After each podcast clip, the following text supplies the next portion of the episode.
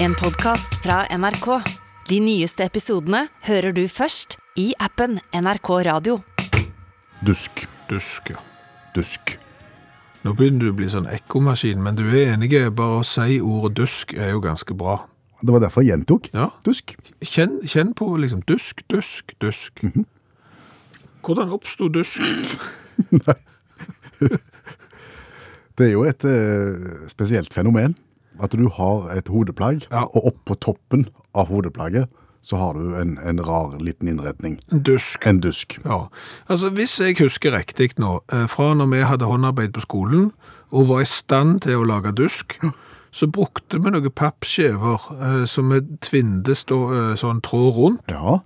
Og så eh, klippte vi det på en måte opp på et eller annet vis, og bandt det sammen, og så ble det til dusk. Stemmer. Ja.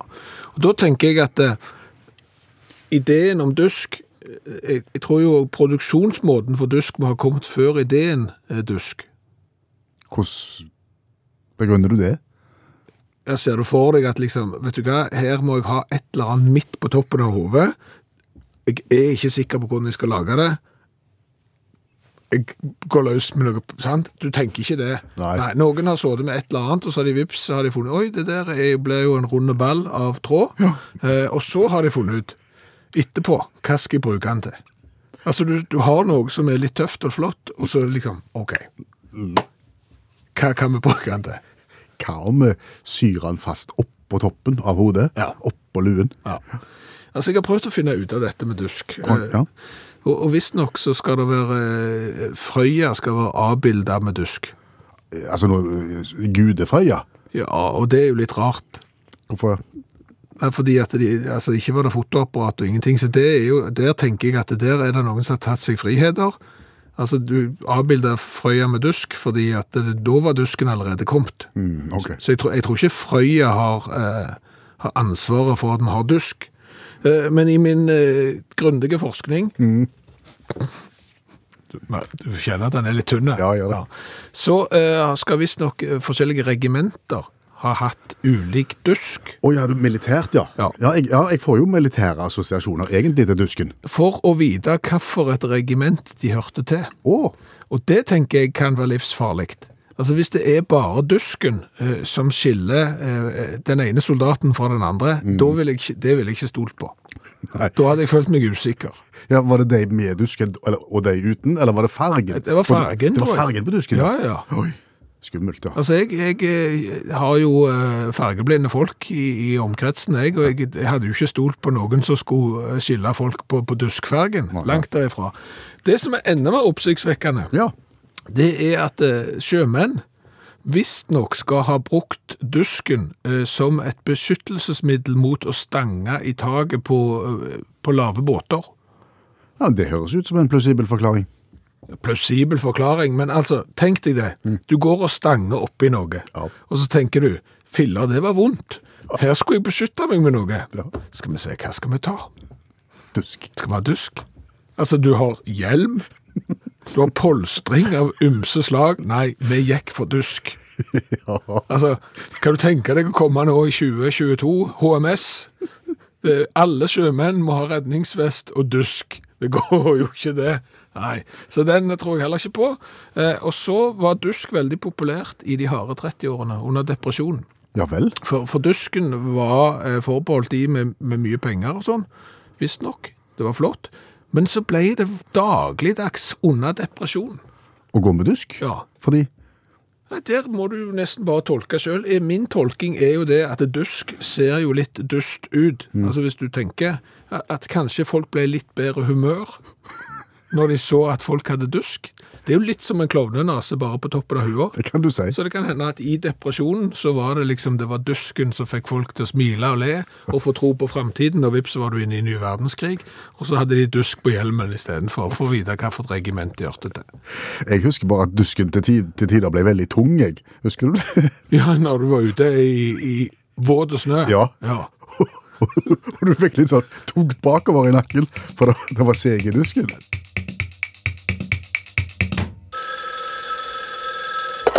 Hallo, ja. Hallais, Klingsheim! Hei, Stavanger-smurfen. Stavanger-kameratene, go, go, go! Jeg skal trege deg inn, hører du meg? Eh, litt dårlig, det er veldig mye bråk. Veldig mye bråk her. Jeg føler at dere skal komme med bak hjørnet her, så dere blir sikkert blitt litt bedre. Og fasingen over en kamel. En kamel? Oi, hører du meg bedre nå? Ja, nå er det bedre. Litt roligere her, ja. Ja, Ja, Du høres opphøst ut òg. ja det er litt kaos akkurat nå, Klingsheim. Kvindesland heter jeg. Ja, samme kan det være. Det er litt lettere kaotisk. Det må være lov å si. Ja, altså Sist jeg snakket med deg for en uke siden, så var du om bord i et sånn et bilfraktskip på vei til Kina, og du hadde akkurat forla- forlatt Kokshaven. Ja, vi hadde forlatt Kokshafen for noen dager siden, ja. Retning Middelhavet og Suezkanalen. Ja, Hvor langt har du kommet? Kairo! Kairo!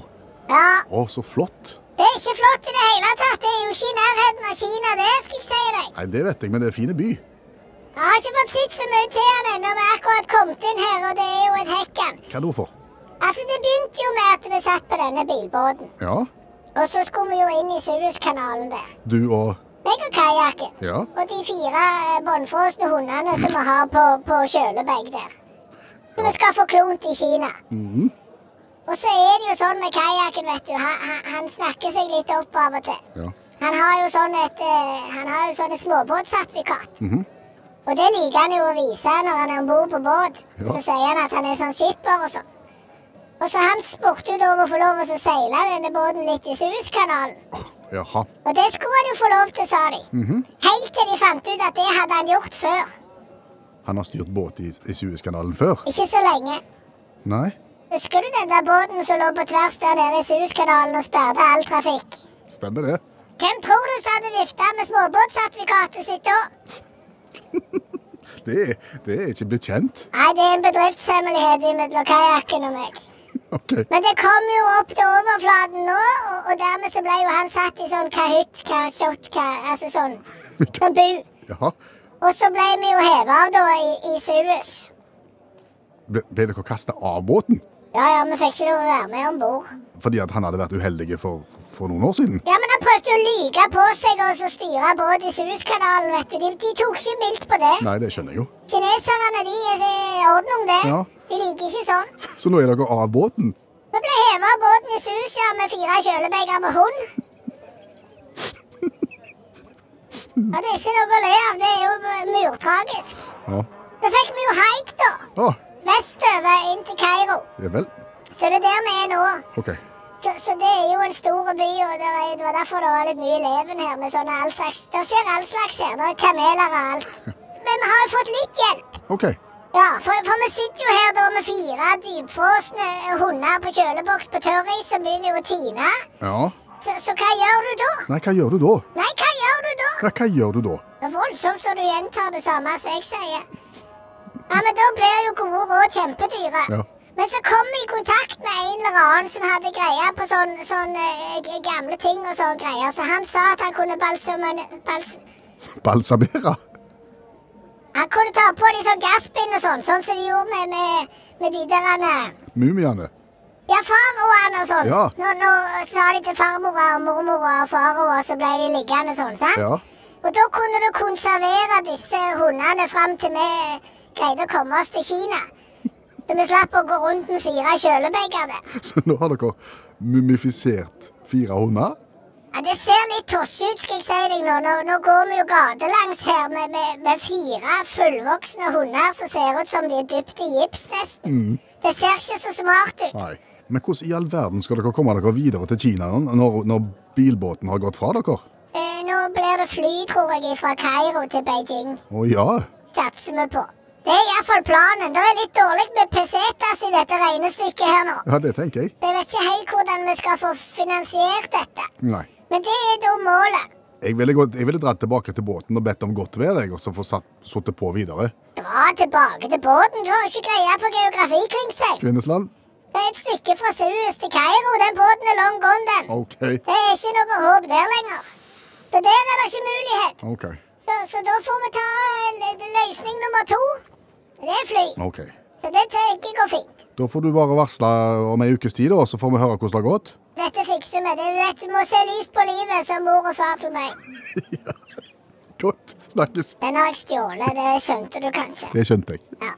OK. Ha det. Snakkes.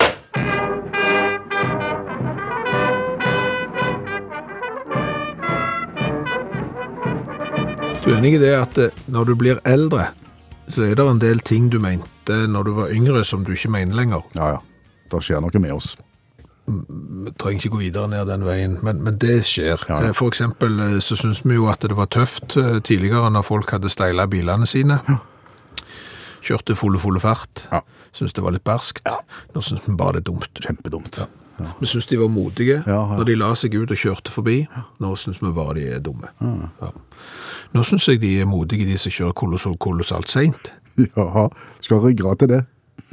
Altså, hvis jeg bare tenker på det sinnet som jeg klarer å produsere inni meg sjøl når jeg ligger bak noen som kjører seint, og ser eh, køen bak og tenker at de har akkurat det samme sinnet som meg, og han bak der òg, og han bak der òg ja.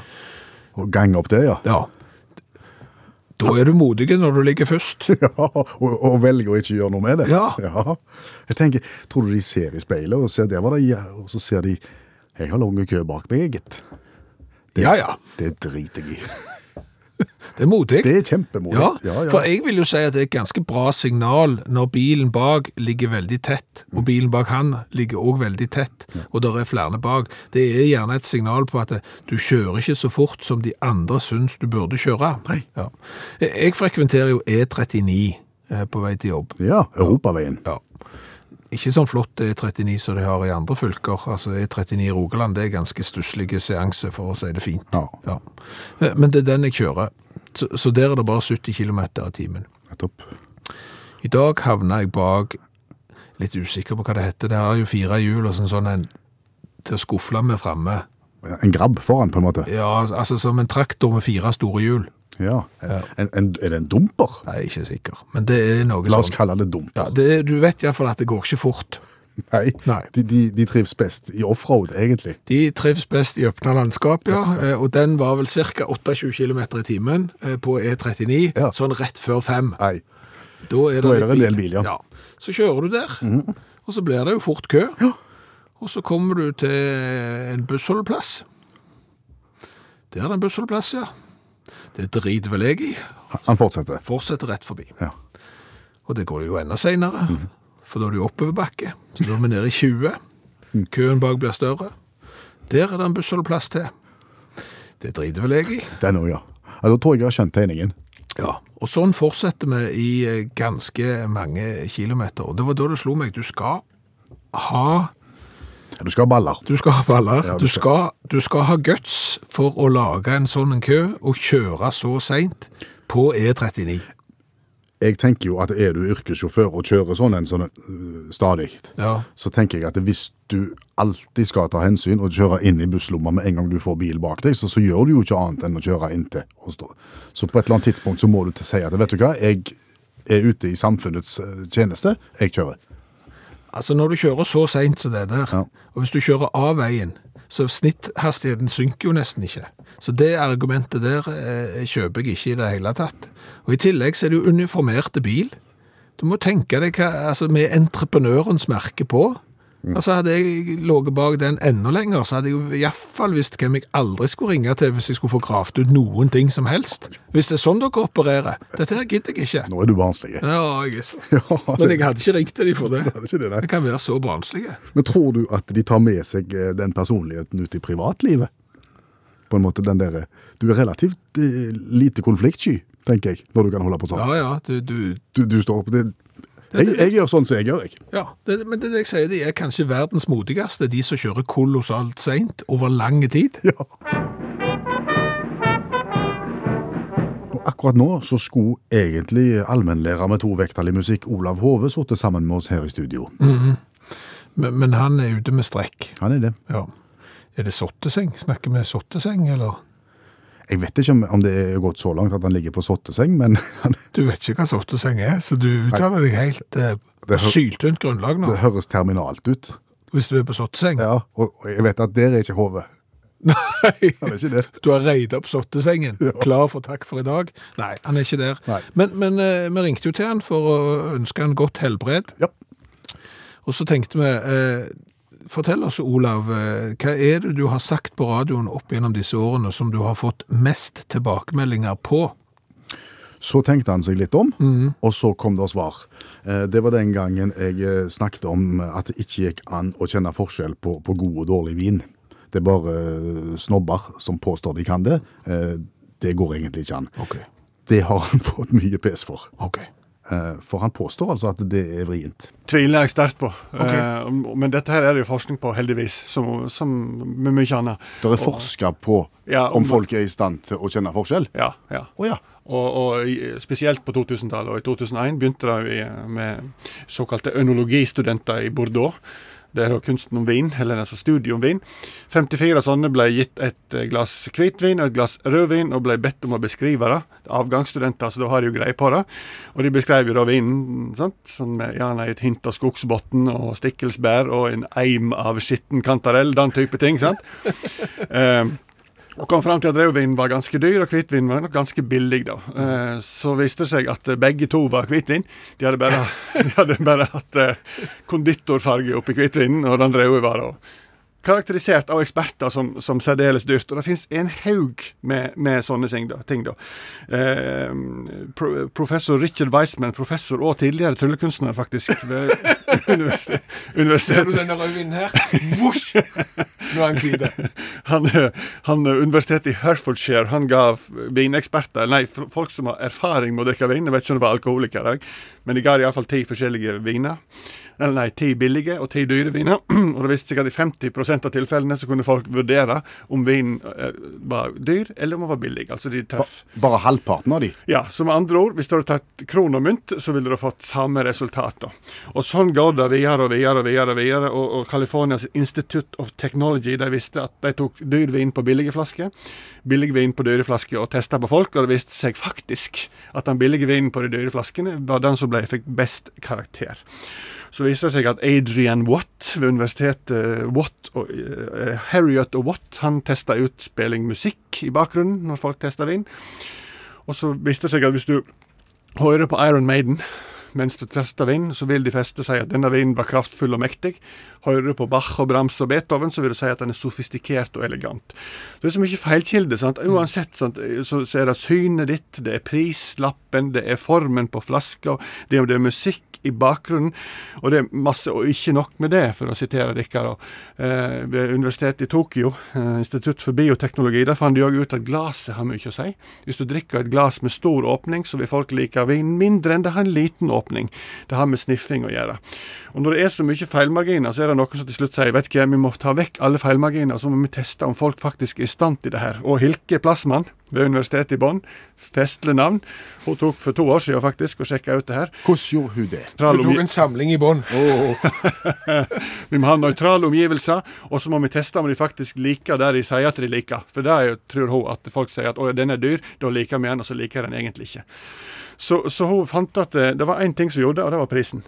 Når folk fikk beskjed om at dette her er en dyr vin, og den var dyr, så likte de den, og da visste hjernebølgen òg at dette var slik det var. Så hun sa det er én ting som avgjør om en vin er god eller ikke for folk, det er om den er dyr eller ikke. Så er det blitt stilt litt spørsmålstegn om disse nøytrale omgivelsene til den godeste Hilke Plassmann. Fordi at hvor hen er det best å sjekke sånne hjernebølger? Jo, det er inne i MR-maskin. Så hun hadde 26 tekst- testpersoner som lå inne i MR-maskiner. Det er ikke lett å drikke, da. Men jo da, gikk fint da, før de hadde en slange festa inn i munnen. Og så fikk de beskjed om dette er en dyr vin, og så sprut inn i kjeften. Og så skulle de da gi karakter til den dyre vinen. Og hver gang så traff det godt. Når det var en dyr vin, så ga de god, god eh, karakter. Og når det var en billig vin, så ga de dårlig karakter. Og innimellom vinspruten så fikk de en sprut med vann, sånn at de fikk nøytralisert hele munnhula inni denne her bråkete.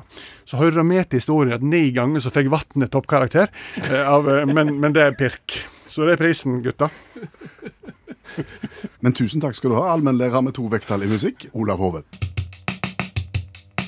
For nå skal vi snakke om superhelter. Det har vi snakket om før. Ja, men det er klart at når du har hatt et radioprogram som uttakt i snart 13 år, så har du vært innom en superhelt og to. Har det. For eksempel så har vi diskutert det fenomenet at superhelter har eh, underbukser på utsida av trikoten. Ja, Det ser veldig rart ut. det ser veldig rart ut da. Ja. Og jo tøffere du er, jo mer underbukser har du ut på trikoten. Men det som smerter meg litt å måtte innrømme, det er at vi ikke har eh, klart før i dag å konkludere med hvorfor har superheltene underbukser ut på trikon. Jeg må innrømme, jeg har ikke konkludert. Du har konkludert. Jeg har konkludert på vegne av oss begge to. Ja, og det ser fortsatt dumt ut. Ja, det er jo ikke det vi diskuterer. Nå, nå diskuterer vi hvorfor. Ja. Og hvorfor? Hvorfor har superheltene underbukser på utsida av trikoten? For trikoten er ikke en hel trikot. Trikoten er en stylongs og en pologenser.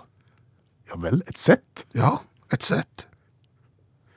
Hvorfor må du ha underbukser på utsida for det? Fordi at du må dekke over skøyten. Altså hvis du stapper trikoten bare nede i stylongsen, liksom den pologenseren nede i stylongsen, så kan du jo risikere, når du skal ut og redde verden og fly, at du får gliping. Og det ser sykt tåpelig ut når du flyr over nattehimmelen med magen ute. Ja. Derfor har du da en litt sånn stor bestemorstruse oppå for å dekke skøyten i trikoten. Men Du kan, du kan vel få samme problem for det, vel? At, at den ø, po- poloen glir ut av Eh, Nei, nei. For det er jo travelt å være superhelt. og Plutselig så er du ute i voldsomt sprang, og så, og så glir han opp av, av sloggien. Jo, men, men den, den store underbuksa som du har utpå, den, den har høyt liv. Å ja. Ja, ja. Altså, en sånn, Hvis du hadde hatt sånn stylongs med så høyt liv som den underbuksa, det hadde vært sosialt selvmord som en superhelt. Så det er årsaken. Og så kan du spørre meg hvorfor har jeg funnet ut dette. Ja, hvor- hvordan har du funnet ut dette? Tusen takk for at det spørsmålet kom opp. Fordi at selv om du er superhelt, så klarer du ikke ta på deg en hel trikot hvis du ikke har glidelås igjen. Tenk deg en hel trikot, altså som en pologenser og stillongs som hang sammen. Det vil jo være helt umulig å få på. Og har du sett en eneste superhelt med glidelås i trikoten?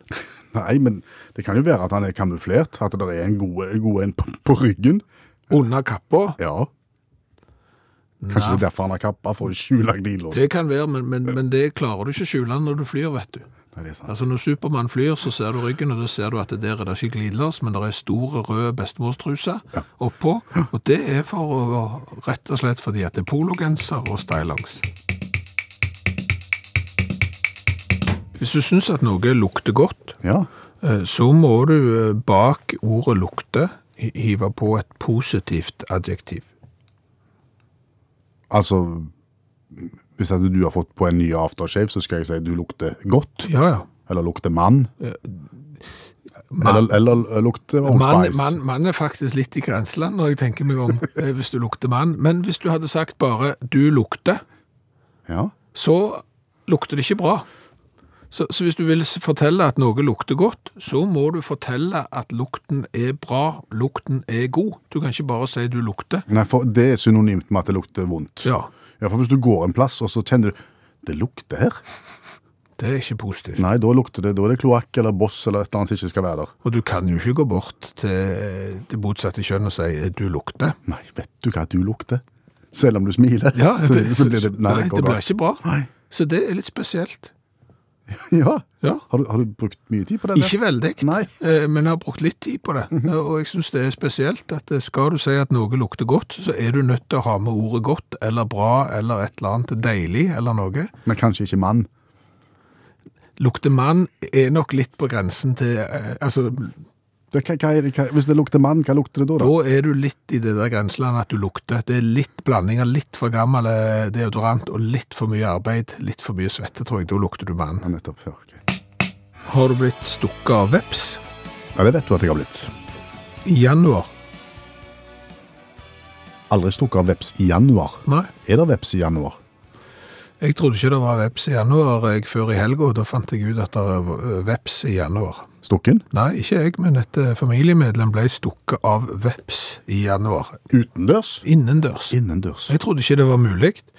Altså, men jeg, jeg hadde jo gått og lagt meg, for det var jo etter Kveldsnytt. Ja, selvfølgelig. Så jeg bare hørte en voldsom romstering i, i stua, og da var det jo da et sånn et insekt som gikk komplett bananas i, inn i stua, og gjorde mye ut av seg, eh, omtrent som sånn flygende sak som har vært på raveparty og, og røykt eh, gamle Opel-seter, liksom. Fullstendig bananas. Oi sann, ville mye. Ja, og så tenker du jo da kanskje at det sikkert er store flua. Ja, for de har jo en tendens til å dukke opp så, sånn når du minst aner det. Når det plutselig blir varmt, ja, så, så kommer de ut av en eller annen sånn helt tett lyskuppel som du ikke skjønner hvordan de har kommet inn i, og iallfall ikke ut av igjen. Og så kommer de til Oi, er det her det er, det her det er fest? Nå, det var, Oi, jeg er blitt så oi, lenge etter Kveldsnytt òg, ja. Ja ja. Og så Ei stund. Og så- men så var det ikke flua. Nei, for det var mye større. Mye større. Og, og ser jo da at det er en veps, og så prøver du liksom å så få jakt den ut, eh, men han vil jo ikke ut, for der er det kaldt, Ja. så det, det nytter jo ikke. Eh, Og etter en stund da, så mister du litt oversikten over dette rabiate eh, flygende vesenet, og plutselig så, ei! Så stikker det da i ryggen gjennom genseren. Jøss. Ja. Ha, Har du funnet ut om, noe mer om, om eh, bakgrunnen for at det var veps innendørs i januar? Så begynner jo Google. Kjære Google, eh, og så er det å prøve å finne ut av dette her, og så er det jo en veps, men det er jo ikke kanskje en, en veps, det er ei veps. veps. Fordi det er dronning? Det er dronning, fordi at dronninger da skal visstnok eh, Det er den eneste disse mannlige vepsene. eh, De har gjort sitt ut på høsten. Da sier de takk for i dag. Og så overvintrer dronninger for å kunne bygge opp en ny koloni året etterpå. Og dronninger er sånn vekselvarme, så du kan liksom senke temperaturen og overleve ute. Så da er jo ideen og teorien den at den har f.eks. ligget hvilt Ja. eh, i ved. I veden? Utendørs i ved, ja. Ja, og så har vi tatt inn noen vedkubber, og så er det jo eh, godt og varmt inne, og så, Så har hun blitt med inn i vedkubben, ja. ja, og, ikke inn i peisen, Nei, nei. men, men inn i, i varm hytte, og så har jo da kroppsvarmen blitt veldig mye varmere enn ute, og kanskje bitte litt for fort også, for det er jo en, en veps som hadde tenkt å våkne en gang sånn i slutten av mars, i begynnelsen av april, Ja, Vi vet jo hvordan det er når vi, når vi blir bråvekt når vi ikke har tenkt. og så er det, oi, hva er det som skjer? Og så er det- sant? Og, og så har du rett og slett blitt eh, for, for varme for fort, og så har du gått 100 eh, bananas. Og blitt aggressive. Og blitt aggressiv. Men det er jo litt eksklusivt da, at du er stukket av i dronning, om ikke annet. ja, ja. Hvis det er en trøst. Eh, Hvis det er en trøst, så er det vel sånn at eh, denne vepsen skulle jo da lage nytt bol eh, til, til våren, og det gjør han ikke nå. For han ble straffa for det hun, ble straffa for det hun gjorde. Hun, hun måtte bøte med, med for Vi ante ikke helt hva det var før, eh, før det ikke var en veps der lenger. Nei, borte. Så nå kan det hende at vi er et bol fattigere da til, til våren. Ja. Husker du når jeg ble stukket av veps? Det var ikke i januar. Nei, det var når du ringte i telefonen, ja. Ja, Ja. Veldig spesielt. Når, det- når vepsen setter seg på telefonrøret, eller på telefonen, Ja. og du ikke ser han, og du tar et godt tak rundt telefonen når telefonen ringer, og du sier hallo, og begynner å snakke, og så stikker vepsen mens du snakker, da roper du ganske høyt, og da skjønner den i andre enden ingenting. Vi skal smake cola ifra Østerrike. Das Leben ist voller bombastischer Momente. Zeig uns deine unter Bombastic Moments und gewinne bombastische Preise. Her kommer Mr. Bombastic. Ja, men fantastisk. Den, den, den, den. Ja, altså, det er jo da bare en liten reklame for at du kan vinne noe hvis du går inn på eh, Facebook-sida til Chartnerbombe. Ja. Vi skal smake på Chartnerbombe koffeinfri cola. Hvor kom bombastikken fra? Eh, Bombe. Bombastic. Og det er bomba. Ja. Ok. I 1905 så var det en eh, kilde eh, i en eh, landsby som heter Leprensdorf i Skjerten i eh, Østerrike som ble oppdaget. Og i 1926 så tok Otto Burger, det er et bra navn. Han heter det? Ja, ja, kanskje han fikk en sønn som heter Ham. Ja, det kan være. Så eh, han fikk da ideen til å bruke dette her eh, kildevannet eh, og tilsette mer sånn saftting oppi, og så selge det da under navnet Shatner-bomba. Rett og slett som en bomba ifra Skjerten. Hmm, En slags limonade han lagde, da. Ja. Og så eh, ble jo da dette bombetemaet litt tatt igjen i flaska, eh, for det skulle liksom ligne litt på en sånn håndgranat, at det er mer en sånn litt sånn stuttjukk Ja. eh, liten flaske. Det ser ut som en eh, halvliter med, med, med vekstutfordringer. Ja, det kan du si. Eller så ser det ut som en k- flaske med Kosylan, som du kan få mot hoste på resept. Etiketten, altså så har det vært en del sånn oppkjøp og sånne burger. Han døde da eh, på 40-tallet, og så har det blitt kjøpt opp og kjøpt opp, og nå er det noen andre som har det, men de, de er nå tilbake igjen eh, og produserer Schertner-bombe. Jeg syns ikke de gir gode assosiasjoner, dette her bombetemaet. Det er vel en smaksbombe mer enn det er eh, noe annet, men, men etiketten er litt ubestemmelig, for den inneholder en bråde med farger. Jeg skal ta så legge ut bilder av den etterpå. Ja. Og, og så er det liksom som en smultring med horn som skal se ut som en eh, okse. Så, så det er litt rart. Igjen litt negative assosiasjoner, spør du meg. Ok, det er deg. Eh, Men da gjelder det jo å, å smake på den her Schertner-bombe koffeinfri cola. Hvem er det som har vært i Østerrike og handla til oss? Det er Rune Haaland. Rune har vært. Ja. Og hvis du ikke har hørt uttakt før, så skal du vite det at vi nå gir karakter eh, fra 1 til 10 på smak, og etterpå fra 1 til 10 på design. Vær så god. Og de som har smakt på nærmere 350 varianter, og de som leder, har gått over 30 poeng. Nei, jo, Jo. gått over 30 poeng. Mm. Ok. Lukter litt uh, tutti-frutti søtt. Ja.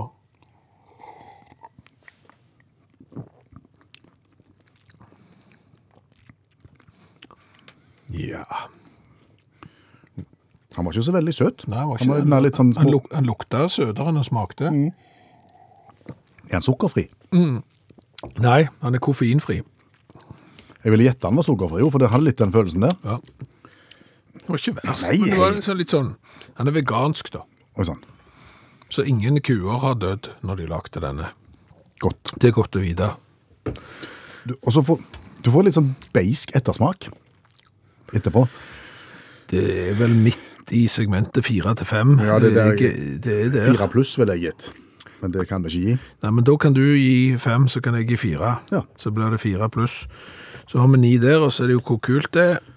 Jeg, sier jo, jeg liker jo ikke bombetema. Jeg syns det, det dobbeltkommuniserer feil. Så jeg, eh, og og stuttkjøkken er, ikke- er ikke så innbydende. Den, Nei, men altså, jeg ser på de bilder av gamle flasker og sånn, så dette her er jo bare en sånn en billig plastikkflaske, så, så den er jo litt lite eksklusiv. De har i hvert fall tenkt annerledes på etiketten. Det har de gjort. Eh, Jeg gir fem. og det er ja, da gir jeg fire. Så da ble det det. Å ja, du skal liksom kopiere meg da på den der tankerekka der med at det blir 4,5, ja. 18. Til den østerrikske bomben Skal jeg legge ut bilde, jeg, så folk kan se den. i Facebook-gruppa vår. Om alle ting blir større. Alle ting blir større, altså som mobiltelefonen og At det, du kan si mobiltelefon og bil òg, for det er jo sånn at når noen bilprodusenter lager en liten bil, så blir neste modell bitte litt større, og så blir neste modell bitte litt større enn den igjen, og så blir den enda litt større, og da har du ikke en liten bil lenger, så du må lage en ny modell. Altså, du har jo den, men jeg tenker mer på levende skapninger. Om alle levende skapninger blir i generasjoner litt større. Altså gjennom evolusjon, tenker du? Ja. Mennesket har vel blitt ganske mye større, har vi ikke det? Jo, vi har vel blitt eh, noe sånn som 11 cm høyere i snitt i perioden 1870 til 1984. Å jøss. Og, og eh, i den industrialiserte verden, som eh, leksikonet sier, så har alle blitt markant høyere i løpet av de siste 150 åra. I Nord-Europa så har vi blitt ca. 14 cm høyere på 150 år. Hvorfor? Ja, hvorfor det? Ja, Det vet sier rapporten ingenting om. Nei, ja, det, Jeg har ikke lest det så grundig. Nei. Det, det, Du har skumma. Jeg har skumlest, ja. Ja. Nei, men det handler jo om eh, levevilkår og eh, altså, me- medisiner, kosthold i det hele tatt. Det meste vi har blitt eldre òg. Og, og så har vi sikkert blitt friskere, så har vi blitt eh, større. Og Så er jo spørsmålet da eh, Stopper dette? Et eller annet tidspunkt må du kanskje stoppe, eller? Nei, Jeg vet ikke. Nei, jeg vet heller ikke. Men Altså Hvis det ikke stopper, så tenker jeg jo at da er det en del idrettsgreiner som eh, må endres. For det er klart at hvis basketball for eksempel blir sånn at alle bare legger ballen opp i korga mens de står på gulvet, da forsvinner litt av eh, Da blir ikke det så gøy. Nei, og jeg tenker på keeperen i fotball òg. Hvis på en måte den- han må bøye nakken for å ikke skalle i, i tverrleggeren, Ja. så blir det ikke det samme. eh, Nei, så, så der er det jo noe. Men, men tilbake til Har alle Altså, for dette er jo sånn prosentvis. Altså, det er klart Hvis du har steget 14 cm på 150 år, så er det ikke så synlig. Og hvis du da tenker f.eks. maur Vi er jo ikke i stand til å se om maur har blitt et par prosent større på de siste 150 år, men det kan jo hende de har blitt det. Ja, hvis de har vært flinke med kosthold og, og, ja, og, og, og helsestell og, og det som skal til. Eh, Elefanter, f.eks., har de blitt, eh, blitt større? De har alltid vært store. Ja, men det- du vet jo ikke om de har blitt bitte litt større over 150 år. Jeg vet at kyllinger har blitt større. Kyllinger er jo på grensen til hunds. Ja. Altså, hvis du, det er jo ikke kyllinger. Men her, her har han vel vært inne og, og, og gitt de litt medisin for å, at de skal bli større, har de Ja, ikke det? det har vi jo klart. Vi har klart å dyrke fram eh, arter som blir eh, s- store, Mm. og så kan vi spise de etterpå. Så griser vokser så bare det, og eh, kyllinger er jo så hunds. Mm. Og, men pingviner, Har de blitt større? mindre. Ja, de krympa. Og det kan jo være litt det der, hvor bor de henne? Altså, hva er det egentlig å ta seg til på eh, i Antarktis? Nei, stusslikt. Å ja, så du tenker litt sånn stillesittende, mye Netflix og, og lite Mye pingvin og, og lite mosjon. Altså, der, ja, de har jo mosjon.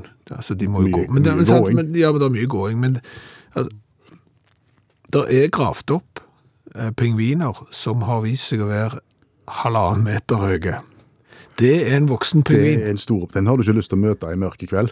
Men tenk du går der nede i gata, så møter du litt aggressive pingvin som har vært på nachspiel og drukket altfor mye pingvin. Så veier han 100 kilo, og så er han 1,50 høy, og så Og, flakser tro, han med og tror vingene. han kan fly. Ja, og blir litt grann, eh, ja, ikke det. Vi snakket om eh, mennesker og dyr som har blitt større over tiden. Ja. Eh, Kaniner har blitt betydelig større. Altså, sier du, den kaninen som jeg hadde på, på 80-tallet, var den mye større enn den som de hadde på 40-tallet? vet ikke. Men, men jeg vet at den kaninen som Karl Smolinski hadde i 2006, den var betydelig større enn den kaninen du hadde i 1984. Å ja. For eh, jeg fant en sak når jeg lette etter store dyr eh, fra Der Spiegel i 2007. De omtaler jo da eh, Karl Smolinski, eh, tyskeren som da har avla fram eh, kaniner på voksne 10,5 kilo. Det er tung kanin. Eh, German Great Giant, den grå tyske giganten. Eh, Det var Robert som var den største av de, eh, og han vant da eh, Tysklands største kanin i februar 2006. Og denne her gigantkaninen her, eh, den gikk jo verden over. Eh, Folk eh, så disse bildene eh, rundt omkring i i verden, i aviser og den slags, til og med i Nord-Korea. Sier du det? Ble de imponert i Nord-Korea? Om de ble, altså for å si det sånn, eh, Nord-Korea, der, der finnes vel mettere folkeslag i verden Mm. enn enn Nord-Korea. Det må vel lov å si. Eh, og de så jo på dette som en eh, gigantisk mulighet til mat til folket. Jeg tenkte kanskje at de ville sagt at vi har mye større, for det pleier de jo å si. Ja, det er klart, de har mye større. Nei, de hadde ikke det, fordi at eh, en, en kanin på 10,5 kilo, der har du 7 kilo med mat. Oi sann. Ja, har du spist kanin? Ja. Ja, ja, det er godt. Alle Det tider. smaker kylling. Alt smaker kylling. Ja. Eh, Så han, eh, Smolinski han ble jo da kontakta av eh, Nord-Korea om han da kunne tenke seg å, å kvitte seg med et par gigantkaniner, og det kunne han, for han så jo på dette som humanitær hjelp, så han gikk jo ned i prisen òg. For bare 800 kroner så skulle de få eh, en kanin istedenfor 2000. Så han sendte da tolv stykker eh, til Nord-Korea, og de skulle da ales opp i et sånn et eh, program, og, og utgjøre en stamme for det nye eh, mat til folket. Virker det? Nei. Oi sånn. sann. For, for eh, hvis du leser oppfølgersaken i Der Spiegel litt senere, så skulle jo eieren Smolinski, han som var jo da inviterte til Nord-Korea for å se på dette fantastiske prosjektet med gigantkaninavl, hadde fått seg visum og all slags, og plutselig på kort varsel så ble visumet inndratt. Så han fikk ikke reise likevel? Og han mistenker jo da at disse kaninene, disse tolv kaninene, de har havna på den politiske eliten sitt bord, og de ble spist opp før de i eh, det hele tatt ble havna i et avlsprogram. Så de rakk aldri å formere seg som som kaniner, nei. Ah, nei. så det ble ikke noe av? Det ble ikke noe av. Nei. Så dermed så gikk han tilbake til å avle de i Tyskland. Men Hva, Smol, hva heter han? Smolinski Smolinski, ja. Ja. Hva, hva gjorde han for å få de store, vet du det? har ikke peiling. Nei. Det er Det er en bedriftshemmelighet. bedriftshemmelighet innad i gigantkaninmiljøet. Og Vi sitter her og ser på den eh, tomme stolen til allmennlærer med to vekttall i musikk, Olav Hove. Han er alltid her på denne tida, hver eneste mandagskveld. Mm, bortsett fra i dag. Tankene våre går til de pårørende. Nei, nå gjør du det mer dramatisk enn det. er. Å, ja, ok. Han er litt slakk i pelsen og, og har ikke anledning til å være med. Men vi har jo lyst til å ha han med likevel, derfor så tok vi kontakt med Olav og spurte om det var noen av de, de innslagene vi har sendt opp gjennom disse årene her som han har fått mest tilbakemelding på. Så kunne vi kanskje ta en ønskereprise. Og da sa han Innslaget om eh, underholdning i pausen på idrettsarrangement. ja. For det er jo sånn at det er langt mellom høydepunktene når du skal underholdes f.eks. mellom to omganger i en fotballkamp. Da har du gjerne en artist som springer rundt i midtsirkelen og mimer til en sang de nettopp har gitt ut. Eh, Du har jo vært med i eh, kontorstolløp. Har vunnet kontorstolløp. Ja. Da skulle vi sitte på hver vår kontorstol. Det var jo, da var det jo sånn friidrettsbane, så det var jo baner rundt hele gresset. Så skulle vi liksom jobbe oss rundt banen bare ved hjelp av føttene På tartandekk på tartandekket. med kontorstolhjul. Ja. Ja. Eh, Veldig dårlig altså friksjon. Mye friksjon. ja. Så dere var ikke i mål før andre omgang begynte. Nei, det ble liksom Kom, kom dere av nå. Det var litt sånn Bli nå ferdige. Og så hadde du den legendariske tippetuppen. Ja, det var et forsøk. Da skulle du legge en ball i midtsirkelen, og så skulle du få en fra tribunen ned til å så prøve å skyte den ballen i mål, altså over halve banen og rett i mål. Og de folka som kom ned fra tribunen, de hadde jo gjerne på seg lakksko. Hadde nettopp vært fra pub til pub på en runde. Ja. Og på bløtt gras så havna du da på ryggen. Nettopp. Så derfor allmennlærer med to vekttall i musikk, Olav Hove. Finnes det egentlig eksempler på at sånne tiltak i pausen er vellykka? Nei. og du skal jammen tenke deg godt om før du, eh, før du begynner med slikt. Og jeg, jeg har en sjølopplevd en. Å ja. Og denne her er såpass eh, graverende at eh, de som opplevde den, mange av de som var med og arrangerte den, har fortrengt den. Så da må vi være litt eh, nøyaktige. her. Vi skal tilbake til den 30. september 1984, og Unge Hove er på oppbrukskamp på Fosshaugane stadion i Sogndal. Sogndal-Mjøndalen. Sogndal har nettopp vært oppe i, første, i Eliteserien for første gang og har fått smaken på mer. De rykte jo rett ned, det gjør de jo alltid. Men eh, de får smaken på mer, og her vil de trekke publikum. Mest mulig publikum så de kan rykke opp igjen. For hvis de slår Mjøndalen, så rykker de opp. Da er det tippetuppen i pausen på glatt eh, grasbane med lakksko. Ja, det var så vel. De- Men de har jo ikke en brainstorming, da. Jeg var jo så ung at jeg vet ikke, men de hadde nok en brainstorming som de gikk litt trått i. Og da har en foreslått, da, sikkert litt i desperasjon på slutten, vi skulle ikke hatt rekebord. Rekebord? Jo, blir det sagt, da. Altfor mye ja-folk, selvfølgelig, på det. Opprykksfest og Sogndal og rekebord. Under kampen, vel å merke. En får da tak i den største robåten i Indre Sogn. Robåt. Ja, Ja. en robot, ja. Plasserer den så den står stødig ved, si, ved, ved tri, hovedtribunet. Billige reker den tiden, det er sikkert derfor, da. Fyller båten med reker. Legger ut asjett, majones, litt sitron Når skal folk spise dette? under kampen. og dermed så er det bare å forsyne seg. Og det er klart. Du skal juble litt, du skal sånn, og du skal ha tallerken med reker på en søndagskveld. Du skal ha selvfølgelig tallerken for eh, avfall. Rusk. Du skal ha loff. Majones. Og du skal Var det vått i været òg? det, var, det, var, det var forholdsvis fuktig i været, ja. Heldigvis, altså. Våt, våt loff med majones og reker. Det ble 3-3. Sogndal rykte ikke opp. Stadionet ble revet to ganger etterpå, men på stille sommerdager så kan du fremdeles kjenne en svak eim og råtne rekeskall. Om det var mye måker òg den Å, hjelpe meg. Vær forsiktig med å sp- sprite på arrangementet, det er moralen. Ja. Tusen takk, allmennlærer med to vekttall i musikk, Olav Hove. Du, eh, kan vi spille av en vignett som jeg har lagd sjøl? Ok.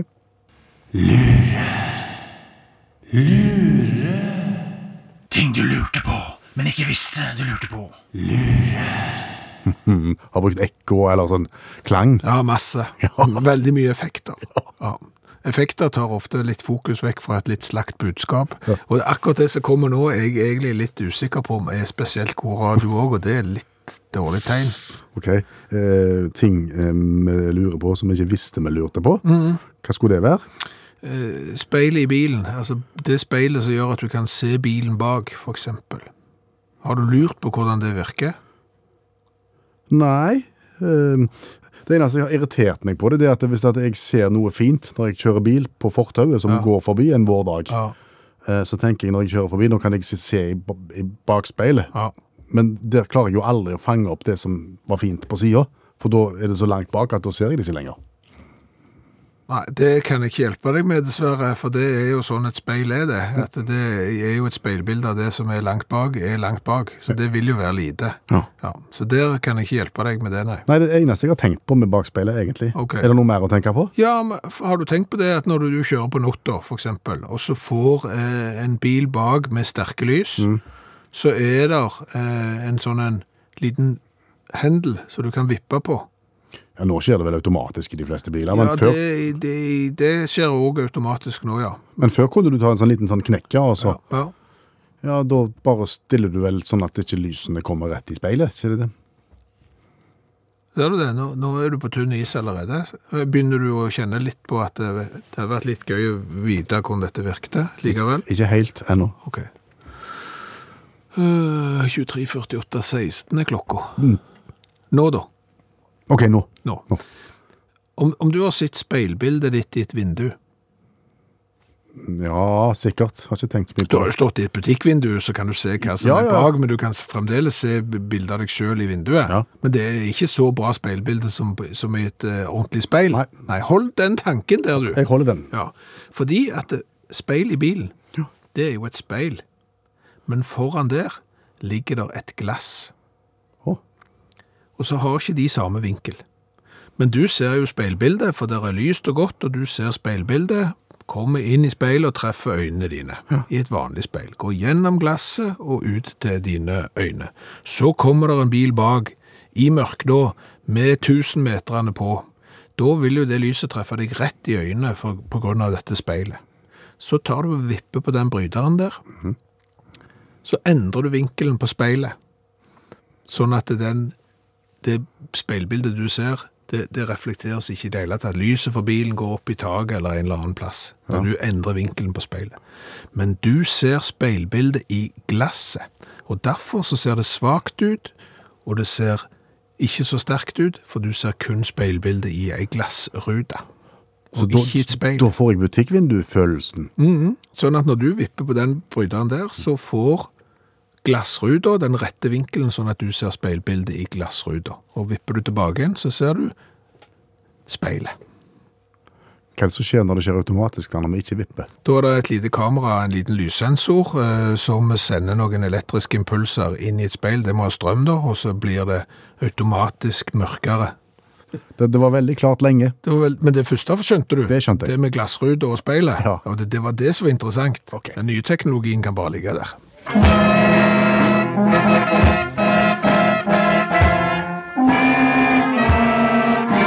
Hva har vi lært i kveld? Vi har lært nye. Ja. Vi har lært litt om dusk.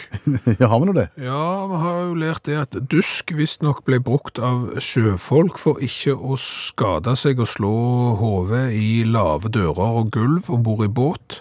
Det må være tidenes dårligste HMS-triks. Vi har hjelm og polstring. Nei, vi går for dusk. Eh, Vi har lært at eh, det er kun dronningvepsen som ligger i dvale om vinteren og overvintrer. Og kan stikke folk på høylysdag i januar? Ja, mens mannfolka de eh, takker for seg eh, ut på høsten en gang, så de får ikke være med på, på vinterdvalen. Nei. Så har vi jo lært det at eh, tyske kaniner på 10,5 kilo gir 7 kilo med kjøtt, og med tanke på hvordan de formerer seg, så er det vel kanskje det vi skal leve av etter olja. Kaniner, ja. Bare et forslag. Simulert at vi mennesker blir eh, stadig lengre og større. Ja. Eh, 10-14 cm på 150 år, eh, men forskning tyder på at menneskets hjerne har mistet 10 av sin opprinnelige størrelse. Han har mista, ja. Ja. Oi. Så den går galne veien. Ja, men så lurer jeg jo litt på det han her, han er professor Hågstad, som har funnet ut av dette. Altså, når mennesket stadig blir større, eh, så kan det jo hende at hjernen er akkurat like stor, at det bare er etuiet som har blitt større, og dermed så ser hjernen ut som den har blitt mindre. Det kan jo være. Mm. Det er jo en plausibel forklaring, kanskje. Men det har de gjerne tenkt på. Helt sikkert. Egentlig ikke mer. Jeg synes det var ganske bra Ja. til å være en eh, mandag i eh, slutten av januar, faktisk den siste. Østerriks cola smaker helt på jabben nå, har vi vel også konstatert. Ja. Og husk at Utakt eh, foreligger som podkast hver eneste onsdag morgen. Og du hører den først i appen NRK Radio. Bjørn Lars Skjævland, Per Hustein Kvindesland, tusen takk for oppmerksomheten. En podkast fra NRK. De nyeste episodene hører du først i appen NRK Radio.